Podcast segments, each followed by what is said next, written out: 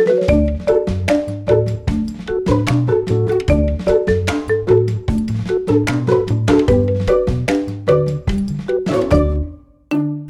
och välkommen tillbaka till Blödigt värre, podcasten om livet med blödarsjuka som görs i samarbete med CSL Bering. Idag tänker jag, som heter Johanna Powers Darlington, ta mig an det väldigt spännande området forskning. Inte bara vad som är nytt och spännande just nu, eller vad vi kan förvänta oss om vi försöker blicka lite framåt, utan också faktiskt påminna oss om hur det har sett ut. Att det inte är så särskilt länge sedan diagnosen blödarsjuka var att mer eller mindre få en dödsdom. Jag befinner mig i Malmö idag hos professor Rolf Ljung. Hej! Hejsan! Eh, vi ska alldeles strax djupdyka ner i vad du håller på med just nu. Men för att bjuda in de av våra lyssnare som inte är så väl insatta som pålästa blödarsjuka och deras anhöriga. Eh, varför får en del personer blödarsjuka? Ja, det är inte helt lätt att svara på, men de har ju fått en förändring i sin gen va? till de proteiner som framställer faktor 8 och faktor 9 i blodet. Och varför sådana mutationer uppstår, det vet man ju egentligen inte. Det uppstår hela tiden i, vårt, i våra arvsanlag att det blir förändringar. Och ibland blir det att det orsakar sjukdom och ibland kan en förändring till och med bli att det blir bättre. Och det är ju det vi tror ligger bakom utvecklingen, hur vi, så arterna har utvecklats över årmiljonerna. Mm. Och det är på det viset att när vi får ett nytt barn och vi har konstaterat blödarsjuka så kanske i 40-50 ibland procent av fallen så vet man om i familjen att man har blödarsjuka. Men i 50-60 procent har man inte en aning om att det fanns blödarsjuka i familjen. Mm. Och om man först tar de familjära fallen så har de ju uppenbarligen så att säga kommit i familjen någon gång och uppstått. Och vi har tittat lite på detta faktiskt här i Malmö i vår forskning. Och man kan se att i svåra fall då ligger det inte särskilt långt bak i familjen. Och det är ju ganska naturligt varför att förr i världen innan behandling, ja då blev ju inte de här männen, pojkarna så gamla. Nej. Tyvärr var ju hälften eh, avlidna redan i 20-årsåldern. Ja. Och det innebar att de hann ju aldrig skaffa familj. Däremot om man tittar på de milt blödarsjuka så ser man, om man kan följa det bakåt, vi har metoder att göra det idag, att ibland har alltså mutationen uppstått för 400-500 år sedan. Mm. Det kan man alltså räkna ut med, med fiffiga metoder. Oj, häftigt. Och eh, då kan man lite till och med börja fundera på att ett, ett anlag som finns under så många hundra år kanske innebär en fördel för individen. Va? Mm, sett ur ett biologiskt perspektiv.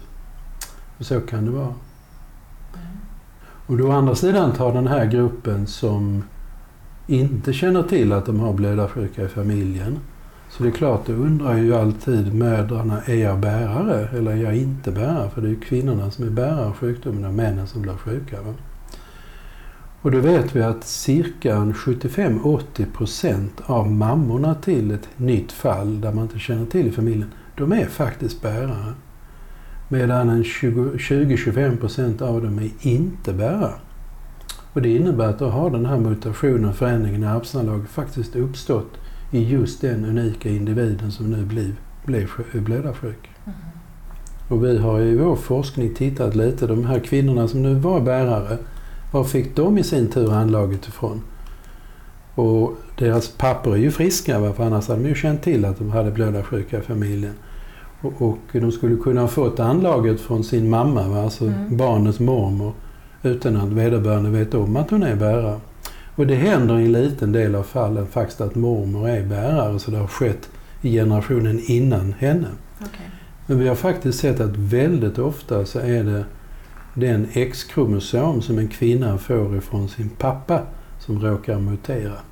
Mm. Och varför det är på det viset, det, det vet vi inte riktigt. Ska vi ta den här djupdykningen nu då? Absolut. Eh, du har ju tidigare kartlagt de hundratals olika mutationer som finns hos patienter med blödarsjuka i Sverige. Eh, och det har ju lett till att man idag med hjälp av DNA kan se vem som är bärare av sjukdomen. Eh, Om vi ska ta det först, hur har det påverkat livet för patienter med blödarsjuka? Jo, men det har blivit helt annorlunda. Va? För att om du går tillbaka innan i tidigt 80-tal, då kunde man inte kartlägga de här mutationerna. Du, du, vet säkert att cirka en tredjedel av alla patienter med hemofili A och lite färre då med, med hemofili B får antikroppar. Man tillför ju då läkemedlet faktor 8 eller faktor 9 och det saknar ju deras kropp. Och de upplever då det som främmat och i en tredjedel av fallen bildas antikroppar. Och det är väldigt mycket styrt av vilken typ av mutation man har som orsakar sjukdomen. För ibland kan du sakna till exempel en bit ur genen. Då kan man inte bilda någon äggvita. Mm. Då upplever kroppen när man sprutar faktor 8 som något väldigt främmande. Va? Andra mutationer får du ett äggvita i blodet med kanske en enda byggsten eller två i utbytta. Och då upplever inte kroppen det som lika främmande när man får den riktiga faktorn. Och det gör att genom att se vilken typ av mutation man har så kan vi väldigt väl förutse en risk för att få antikropp. En risk som kan då vara från några procent till kanske 50, 60, 70 procent. Och kan då lite fundera lite över hur vi ska kunna försöka förhindra det hos de som har hög risk. Mm, mm. Det är till och med så att, att vi har lärt oss nu att patienter med mild hemofili, som vi vet är väldigt sällsynt att få antikroppar, men faktum är att en del av dem som har vissa typer av mutationer, ja de har en, plötsligt en ganska hög risk. Och då kan man identifiera dem också och försöka undvika att de får faktorpreparat och istället behandla med så kallat Octostim som är en annan typ av behandling som fungerar på mild blödarsjuka. Mm. Mm. Så visst har det betydelse, en jättestor betydelse faktiskt i praktiska sjukvården. Ja, man kan anpassa behandlingen mycket, mycket ja. bättre helt enkelt. Ja. Vad är nästa steg i utvecklingen nu då, ser du? Du menar i forskningen? Ja. Man kan säga att det är ett par linjer nu va, som nog dominerar. Det ena är ju genterapi. Och det har ju hållit på ganska länge. Och det innebär att man försöker introducera en normal, frisk gen i individen. Och ofta använder man olika typer av virus, för virus har alltså en förmåga att ge sig in i våra arvsanlag och, mm. och egentligen stoppa in sitt eget arvsanlag. Men nu lurar man dem att stoppa in istället det blödarsjuka anlag.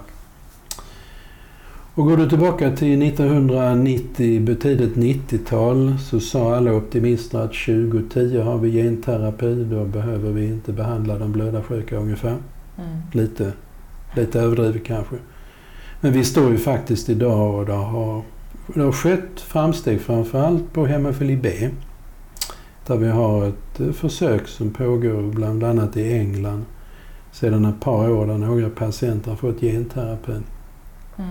Men det är ändå så att de får ganska låg procent. Och, alltså det är inte riktigt, riktigt redo för att föras ut på bredare skala. Nej, okej. Okay. De, det är inte helt lyckat? Nej, det, det, är det ju inte. Det är ju lovande. Va? Men mm. med tanke på att vi har hållit på i 25 år så, mm. så tror jag inte det blir något sånt där gigantiskt genombrott de närmaste 5-10 åren. Nej. Däremot har det kommit en helt ny teknik nu som heter CRISP-Cas9 mm. som var publicerad för ett par år sedan. Som är ett sätt, eh, kanske svårt att beskriva, men det är ett sätt att mycket, mycket fint kunna gå in i gen, byta ut en felaktig byggsten mot en korrekt. Då skulle man kunna tänka sig att man tog ut så kallade stamceller från den egna individen, programmerade om genen så att säga, så den blir korrekt va, med det här fina sättet att göra det och man får tillbaka sina egna celler utan att behöva blanda in virus och annat. Och där tror jag eh, det kan finnas en väldigt stor potential att göra någonting. Mm. Men där, det återstår ju några år men tekniken är helt ny och det är ofta då genombrotten kommer. Mm. Att du får en helt ny teknik, kan göra någonting på ett annat sätt än du kunde tidigare och plötsligt så rullar många saker igång. Mm. Det tror jag mycket på. Superspännande. Ett annat område som är jätteviktigt, är mycket forskning, det är att försöka förhindra antikroppar. Mm. Och då är ju en forskningsbit att försöka fundera på de individer som nu har hög risk, kan man göra någonting för att tolerera dem som det heter? Att mm. göra att de plötsligt tål faktorn utan att få antikroppar. Och där är flera olika försök från olika grupper på gång. Sen har vi hela utvecklingen nu med de nya faktorkoncentraten som är mer långverkande. Det öppnar ju också ett nytt eh, intressant fält. De har vi ju redan här. Vad gör, vad gör du då just nu? Vi håller på, vi har ju kartlagt mutationerna i egentligen både Sverige och Finland. Och eh, en sak som stör oss lite det är att det finns ett par procent av patienterna där vi inte hittar något fel i faktor 8-genen framförallt, mm. som orsakar hemofili. Och man undrar varför har dessa patienter blödarsjuka när vi hittar en helt normal gen? Och där har vi eh, studier nu där vi undersöker hela genen, alltså även de delar som normalt inte översätts i äggvita från genen och försöker lista ut varför de får blödarsjuka. Det kan till och med vara så att lösningen sitter så att säga inte i, i faktor 8-genen utan i någon av de andra koagulationsfaktorerna som gör att de i sin samverkan med den här faktor 8 så blir det liksom icke-fungerande. Mm, mm. Så där försöker vi på olika sätt lista ut varför de här individerna har hemofili. Och det är klart, för just de familjerna har det betydelse varför bära diagnostik. Men vi tror samtidigt vi lär oss något nytt biologiskt hur sjukdomar ja. kan uppstå. Som är tillämpbart även på andra liknande sjukdomar. Sen är vi intresserade lite specifikt nu. Vi samarbetar med vi har ett nytt projekt. Vi ska samarbeta både Århus, Köpenhamn, Malmö, Göteborg, Stockholm kring och titta på de så kallade sporadiska familjerna med hemofili B, alltså de där man inte kände till att sjukdomen fanns i familjen. Var uppstod den i familjen? Sen är jag också inkopplad väldigt mycket i ett europeiskt nätverk som heter PEDNET, Pediatric Network. Vi är 31 centra ute i Europa och Tel Aviv, Montreal, Toronto utanför Europa som behandlar barn med blödarsjuka. Och sedan år 2000 så inkluderar vi alla nya barn vid våra centra i detta register. Mm. Och lägger ner lite basdata. Va? Hur blev de förlösta? Blödde de när de eh, förlöstes? Hur var de första blödningssymptomen? Vilken behandling får man? Vem fick antikroppar? Vilka mutationer har de? Och så med årliga rapporter. Och vi har nu inkluderat faktiskt över 1600 barn, så det är ett unikt register. Mm, mm. Och nu när man har samlat i många år va, så är det dags att liksom börja skörda forskning ur ett sådant register. Och vi har många frågeställningar. Och vi tittar på det gemensamt, snitsar till så det blir en bra vetenskaplig studie. Och sen går man in och så hämtar man det material man behöver. Bara så som ett exempel kan jag nämna till exempel det har alltid diskuterats, va? om man nu är kvinna vet man är gravid med ett blödarsjukt foster.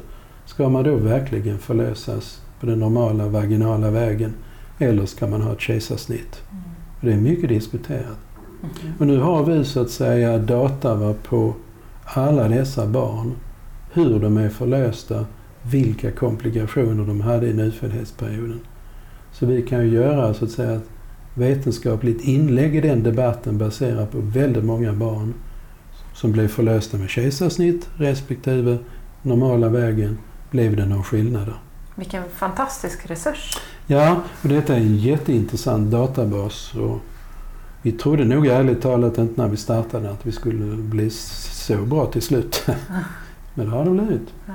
Är det mycket samarbeten internationellt? Ja, det är det verkligen. Och jag tror egentligen att de här internationella kontakterna är en sak som driver väldigt många av oss. För det är hemskt spännande att ha internationella kontakter. Och, men det, det, är ju helt nödvändigt. Jag menar, det är ju en sällsynt sjukdom och vi i Sverige måste ju samarbeta för att få ihop större material och bedriva forskning. Ja, hur, hur står sig den svenska forskningen inom blödarsjukan om man jämför med hur det ser ut internationellt?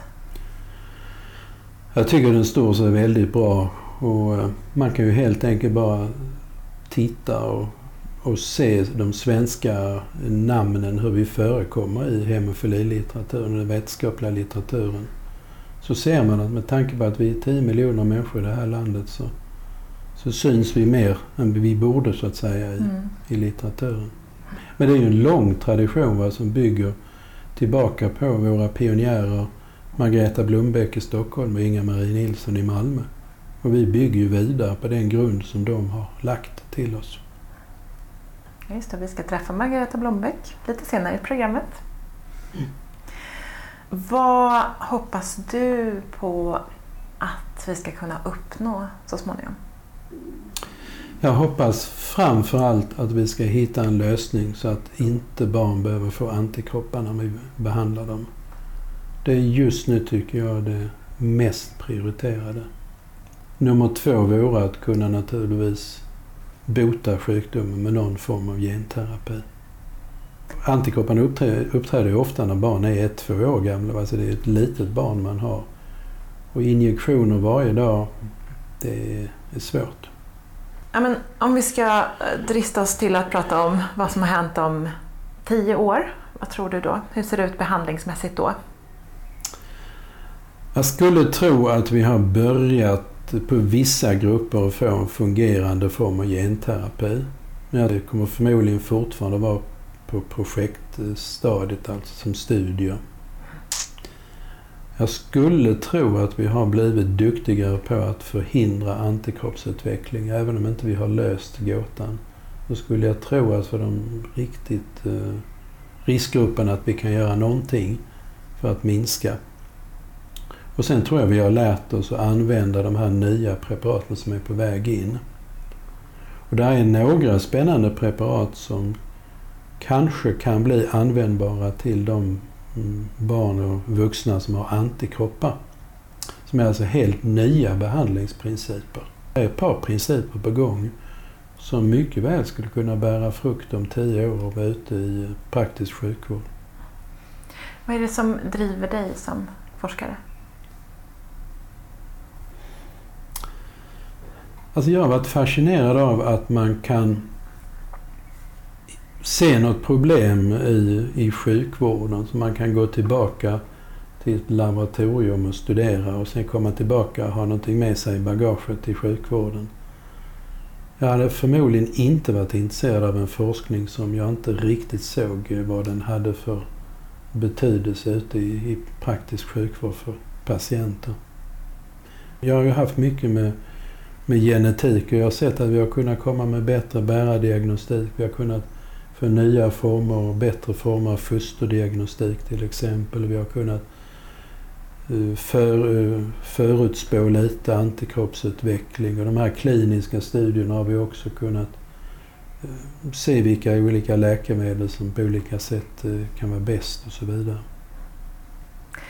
Tack Rolf Ljung. Det var väldigt spännande att få prata med dig. Tack själv. Nu har det blivit dags att påminna oss lite om den hemska tiden innan fina forskningsgenombrott. Nu har jag tagit mig till Solna och Margareta Blombeck.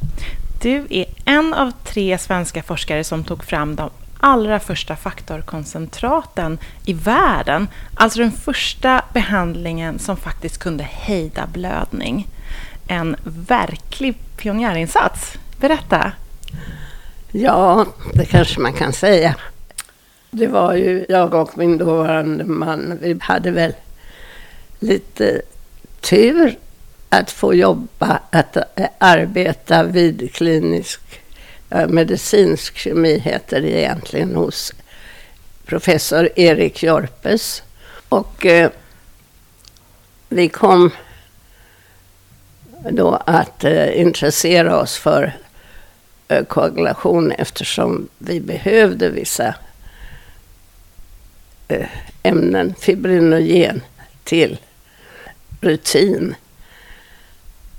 Och då råkade vi hitta i detta preparat som vi gjorde en eh, faktor, en, en faktor till blödarsjuka, faktor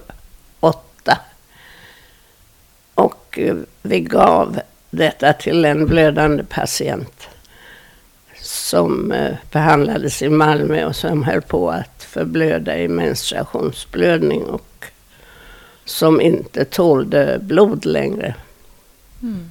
Och hade ni testat det då tidigare? Ja, vi hade, vi hade testat på eh, fib, eh, vi hade testat det på patienter som saknade eller som hade låga nivåer av fibrinogen. Mm. Men inte på någon blödarsjuk.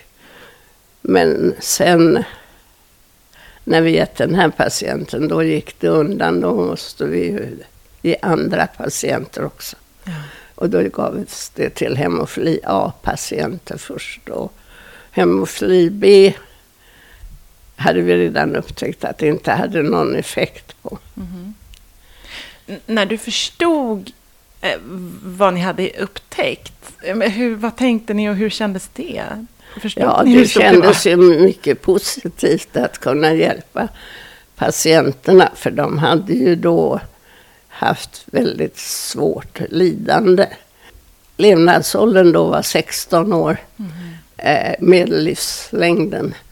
Och de hade svåra, de har ju svåra inre blödningar i knäleder, i armbågar, i eh, handleder, överallt i lederna. Och de eh, gör fruktansvärt ont. Det fanns en läkare som speciellt intresserade sig för blödarsjuka i Stockholm, Erik Sköld. Och eh, han behandlade ju många med morfin. Eh, som Inga-Marie och jag var väldigt stränga. Vi sa att vi tyckte inte de skulle ha det. Mm. men, eh, de behövde det en del. Och i många länder så behandlade man alla patienter med morfin. Mm. För det här, de hade så ont.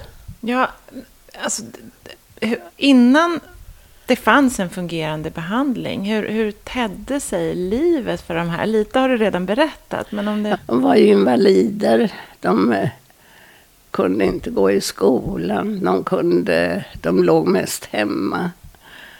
En av pojkarna den första som vi behandlade tror jag låg halva år på, på sjukhus. Mm. Och eh, ja, de, de hade ont. De fick väl blod, men eh, de hade så fruktansvärt ont i sina leder. Så de klarade inte av något vanligt liv överhuvudtaget.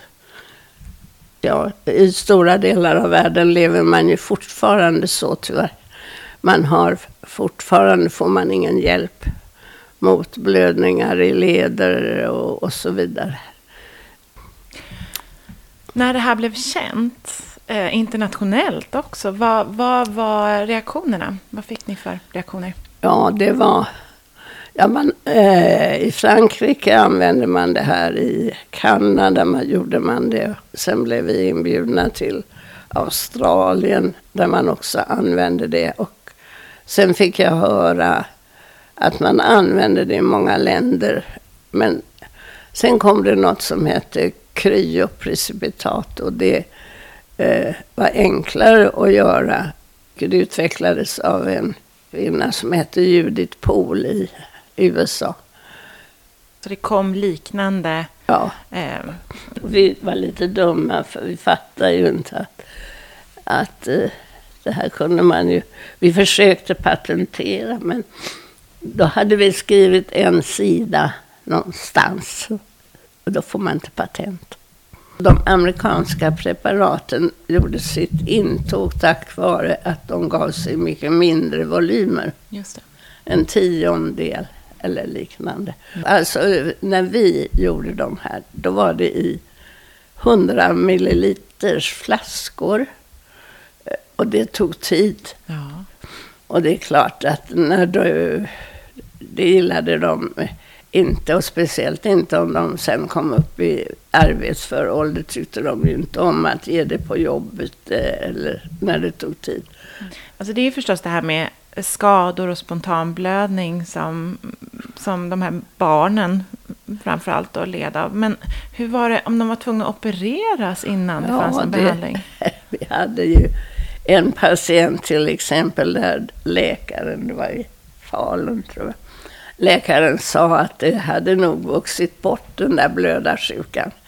Och de opererade och det kostade nog ganska många tusen kronor för att han blödde naturligtvis som bara den. Man måste ge alltså innan operation. Ja. Så det kommer till en viss nivå. Ja. Faktorn. Ja. Och sen fortsätta kanske en vecka, kanske tio dagar. Eller mera. Just det. Och det här var ju ändå efter att behandlingen fanns då? Ja. Ah. Okay. Alltså han trodde det hade vuxit bort? Ja, ja. Man, man fick göra sånt här. Men innan behandlingarna fanns överhuvudtaget, då var en, en operation i, det var otänkbart helt och hållet? Ja, ja. det kan man säga. Ja. Och bland operationerna som var svåra var tandutdragningar. Det, det, ja. Många blödare kom ju till oss med svåra tandskador för ingen hade vågat dra ut tänder på dem. Ja. Och blöda, den blödarsjuke själv tordes ju inte heller undergå en, en tandutdragning. Så det var problem. Mm. Jag tror att det är väldigt, väldigt många blödarsjuka som känner sig oerhört tacksamma över er upptäckt. Ja, det är väl en del i alla fall. Mm. Sen... Precis när preparatet kommit ut då, hur funkade det då? Hur funkade det praktiskt? Och ja, så? Vi tillverkade ju det i en fabrik i, på medicinsk kemi. Ja, först hämtade vi ju blod förstås på blodcentralen och så tog vi den dit och centrifugerade blodet och så vidare och sen frystorkades preparatet i en frystork. Så det blev alltså ett pulver, inte var en Fast i början gav vi det i i vätska. Mm. Vilket var lite... Det innehöll lite alkohol så patienten blev extra glad. Jaha. det var inte mycket men... Ja, men direkt in i blodet? just det. Ja. Sen, sen så ja, var vi ju tvungna att distribuera det över Sverige och det hände ju att vi stoppade tåg från att ge sig iväg tills vi kom med preparaten. Yes. Vi hade en medarbetare som körde som en galning till tåget för att få med det här till Malmö till exempel. Sen preparatet kom ut för första gången, hur har utvecklingen sett ut? Efter 1970 Eh, 72, 73 har koncentraten kanske inte utvecklats eh, särskilt mycket. Annat än det senaste som kommit nu då under sista åren, långtidsverkan, så kallade rekombinanta, från att göra dem från plasma. Och det är ju de blödarsjuka tycker ju att det är härligt att slippa ge sig så ofta. Vi träffade ju Rolf Ljung tidigare eh, och han fick sia lite om framtiden. Hur ser du på det? Vad tror du kommer hända behandlingsmässigt framöver? Ja, man har ju börjat med genterapi. Man trodde ju att det skulle gå väldigt snabbt. Men eh, det, det tog tio år innan man fick det första tecknet på att man verkligen kunde höja nivån från svår till moderat, som vi säger, alltså mellanting, eller mild blödarsjuka. Och eh, om man lyckas, det är väl tänkbart, för man börjar ju på andra områden att kunna bota patienter så att kanske blödarsjuka kan bli friska. Ja. Vad tror vi? 10-15 år? Ja, vi kan säga hoppas på. hoppas på 10-15 år. Tack så mycket Margareta Blombeck. Tack, vad trevligt. Och med det tackar också jag och producent Estrid Bengtsdotter för oss. Och vi vill också tacka CSL Bering som gör det möjligt för oss att lyfta frågor som är viktiga både för de som har diagnoserna hemofili eller von Willebrands och för människor i deras närhet, släktingar, kompisar, kollegor. Vi hoppas kunna sprida kunskap och sticka hål på en hel del fördomar som finns om den här förr så dödliga sjukdomen, men som idag går att leva i stort sett normala liv med. Vill du veta mer? Fortsätt lyssna på Blödigt värre. Du hittar oss på blödigtvärre.se. Och på Patientföreningen för blödarsjukas hemsida, FBIS, finns mer information. Och där kan du också beställa informationsmaterial och böcker. Om du vill komma i kontakt med oss, till exempel om du har tips på sånt du vill höra mer om i podden, mejla till redaktionen.sverige.cslbering.com Alltså redaktionen.sverige.cslbering.com och Bering stavas med H. Tack och hej!